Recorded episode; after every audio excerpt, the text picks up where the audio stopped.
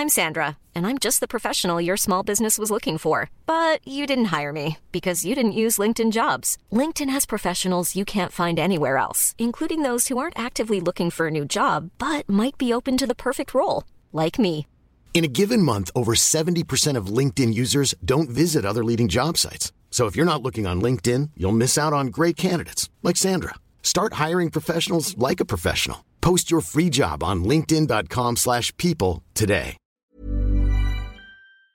In 9 van de 10 verzorgingsproducten zitten microplastics. Dat zie je niet altijd meteen. Ze zitten namelijk in de kleine letters van je ingrediëntenlijst. Dat is een groot probleem voor zo'n klein stukje plastic. Die microplastics zitten namelijk inmiddels overal, in de natuur en in je lijf. Gelukkig zijn er ook merken die gewoon microplasticvrij zijn. Want dat het anders kan, dat weten we bij Beleda, Lekker Company, Marcel's Green Soap, Naïef, Smaal en Witlof wel. Dus check de kleine letters. Die hebben de grootste impact.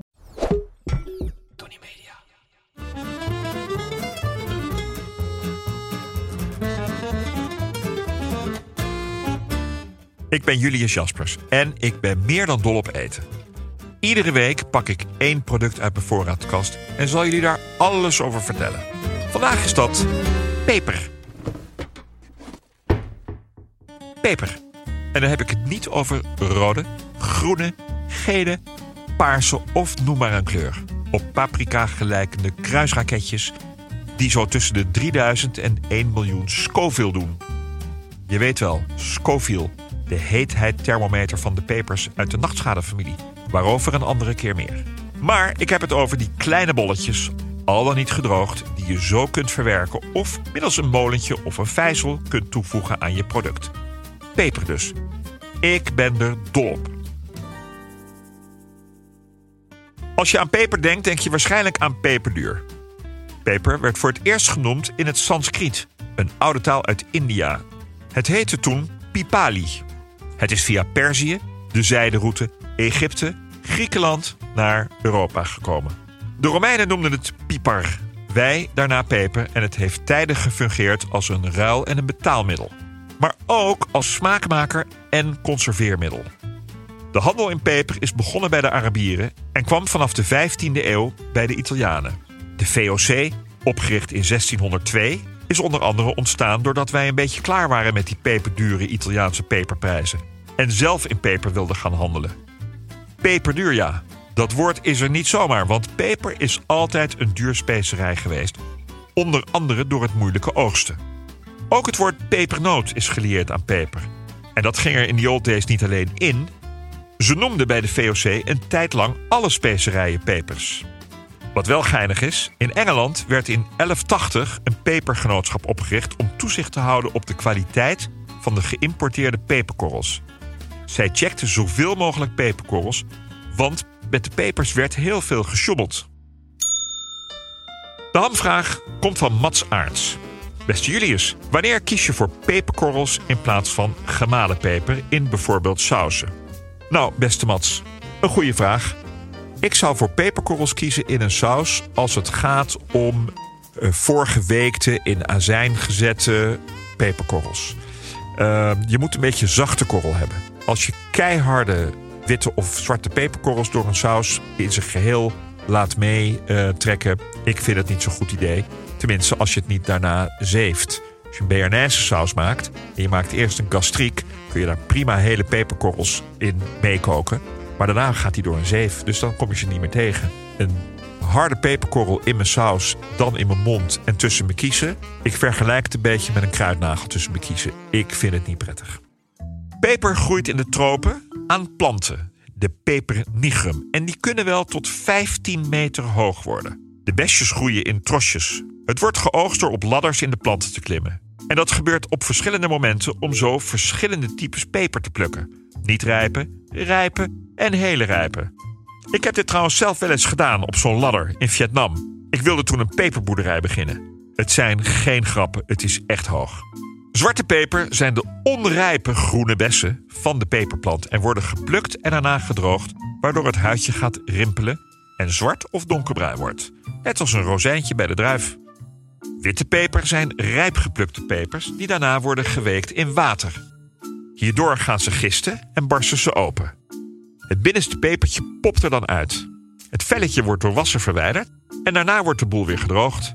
Door dit proces is witte peper automatisch duurder dan zwarte. Het is vaak ook iets pikanter en iets aromatischer. En nog belangrijker, je ziet het niet terug in een gerecht door zijn camouflagekleur. Groene peper is in principe ook onrijp geplukt en wordt daarna geconserveerd in water of azijn. Last but not least, de rode peper. Niet te verwarren met de roze. Die ontstaat als de peperkorrel aan de plant doorrijpt. De peper is wat zachter en zoeter van smaak en heeft citrustonen. Een bekende variant is de kampotpeper uit Cambodja. Scheer overigens niet alle peper over dezelfde kam. Telly Cherry uit India is wat zoeter. En lampong uit Indonesië heeft citrustonen, om er maar even twee te noemen. De grootste productie van peper is van origine in India.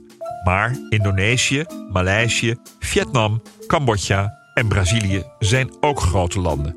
We praten in totaal over zo'n 140.000 ton per jaar. De tropen, hè?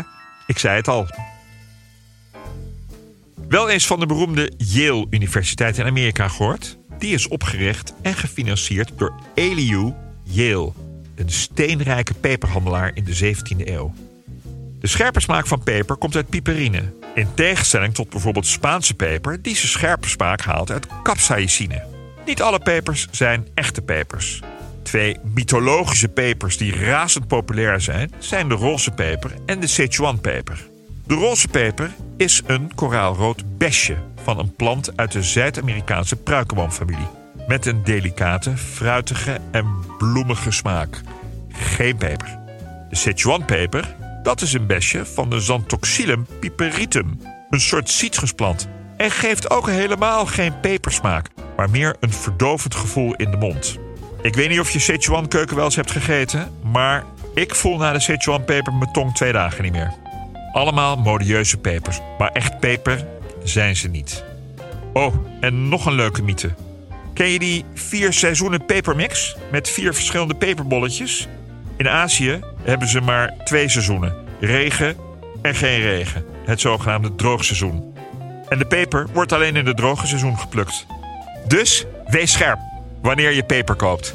Er zijn maar drie echte soorten peper.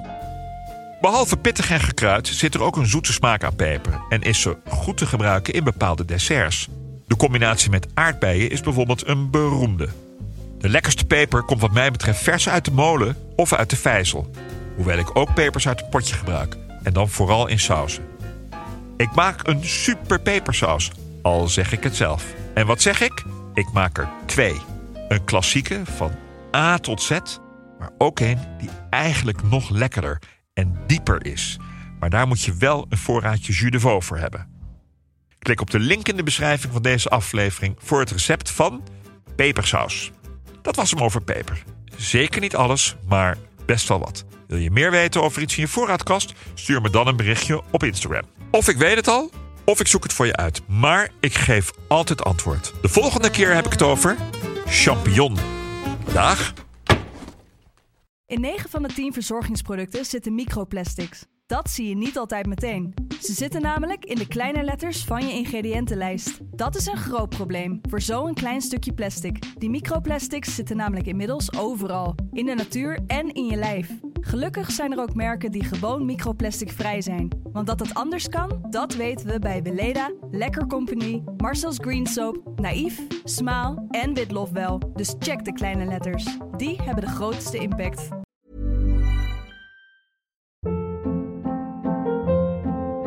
Hold up. What was that? Boring. No flavor. That was as bad as those leftovers you ate all week. Kiki Palmer here, and it's time to say hello to something fresh and guilt-free. Hello Fresh. Jazz up dinner with pecan-crusted chicken or garlic butter shrimp scampi. Now that's music to my mouth. Hello Fresh. Let's get this dinner party started. Discover all the delicious possibilities at hellofresh.com.